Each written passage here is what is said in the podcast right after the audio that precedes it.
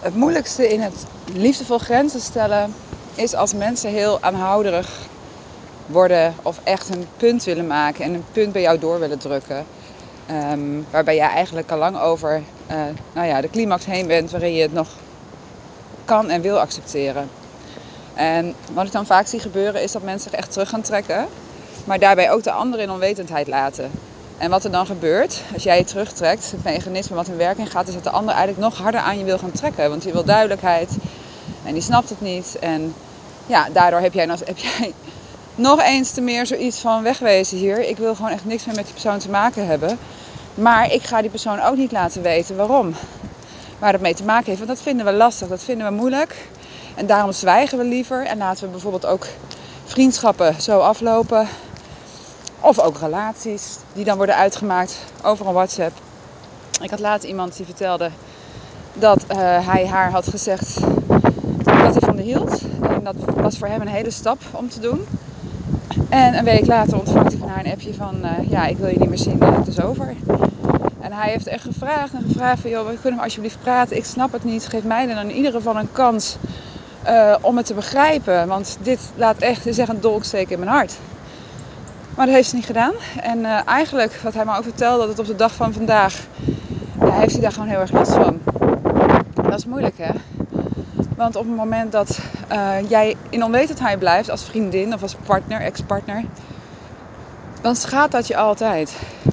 En daarom mag je, ook, mag je ook een grens stellen. Daarom mag je ook zeggen van op het moment dat jij mij in onwetendheid laat, zorg jij er ook voor dat dit en dit bij mij gebeurt. Wil je dat? En vraag dan dus ook, draai het eens om. Draai het gewoon eens om van hoe zou het voor jou voelen als? Maar goed, dan is er nog altijd de ander hoe die daarmee omgaat en of die jou ook de ruimte geeft om uh, uitleg te verschaffen. En die uitleg is niet altijd fijn en makkelijk, maar je bent wel eerlijk en duidelijk. En dat die ander daar op dat moment moeite mee heeft om te incasseren, dat is verder niet meer aan jou. Wat wel belangrijk is, is dat je bij jezelf houdt. Dat je spreekt vanuit jezelf en niet in een verwijtende sfeer gaat. Gewoon aangeven waarom iets niet, niet uh, langer goed voelt voor jou. Waarom jij uh, er geen energie meer in kan stoppen. En waarom jij dus besluit om de handen in de ring te gooien. Of waarom jij besluit om even afstand te nemen. Zeker ook als het om mensen gaat die heel erg in your space zijn. Waar jij niet van gediend bent of waar je je heel oncomfortabel bij voelt. Ik stel me zo voor een collega op het werk. Laat iemand die me vertelde dat ze ja, zo tegen het werk opzag dat ze schrok als de wekker bij wijze van spreken ging. Omdat ze bepaalde dagen wist dat ze die collega weer onder ogen zou komen. Die haar continu het gevoel gaf dat zij minder was dan, die, dan zij. Uh, allemaal van die slinkse opmerkingen, heel terloops, heel subtiel. Maar wel met het gevoel van, uh, maar ja, eigenlijk um, ja, mag je geluk hebben dat je deze baan hebt, want je bent eigenlijk ondergekwalificeerd zo. En um, dat werd bij haar een steeds heikelde punt. En ja, met eigenlijk in de ergste situatie dat ze zich ziek ging melden op de dagen dat die vrouw er zou zijn, dat die collega er zou zijn. En uh, toen dacht ze ook van ja, dit kan zo niet langer. Dus daar hebben we het toen over gehad. en dan heb ik haar ook gevraagd van goh, als je nou eens even helemaal in dat gevoel kruipt. Um, wat dat oproept bij jou op voorhand al. Wat, wat zou je eigenlijk het liefste tegen haar willen zeggen? Ik zeg, want je gaat mij niet vertellen dat je in je hoofd of voor de spiegel heel wat verhalen met haar hebt gehad. En toen zei ze ook, ja dat klopt. Ik heb inderdaad al echt heel wat teksten, nou ja, eruit gespuit wat ik eigenlijk het liefst had willen zeggen. Uh, of wat ik haar het liefst zou willen zeggen. Maar ja, dat doe ik dan niet. Allemaal man suprem slaak dicht. Nou, ik heb haar toen uh, een ademhalingsoefening meegegeven. Die ze echt op dat moment ook kan gebruiken. Waardoor ze eigenlijk ja, in een iets andere energie uh, die confrontatie, zoals zij het noemt, aan kan gaan. En toen heb ik haar, met, ben ik met haar ook stappen gaan doornemen om te zorgen dat het niet als een confrontatie meer gaat voelen. En dat je dus ook niet angstig hoeft te zijn om in een conflict te raken. Want dat is het. We zijn vaak bang voor het conflict, bang voor het onverwachte. En bang dat we eigenlijk uh, in een situatie komen waar we ons niet in kunnen redden. Of uit kunnen redden, moet ik zeggen. En dat heeft alles te maken met een gebrek aan vertrouwen in jezelf om met de situatie te kunnen dealen. En ja, het is eigenlijk heel simpel. En dat zie ik keer op keer gebeuren. Het is eigenlijk zo simpel om jouw grenzen op dat moment aan te geven.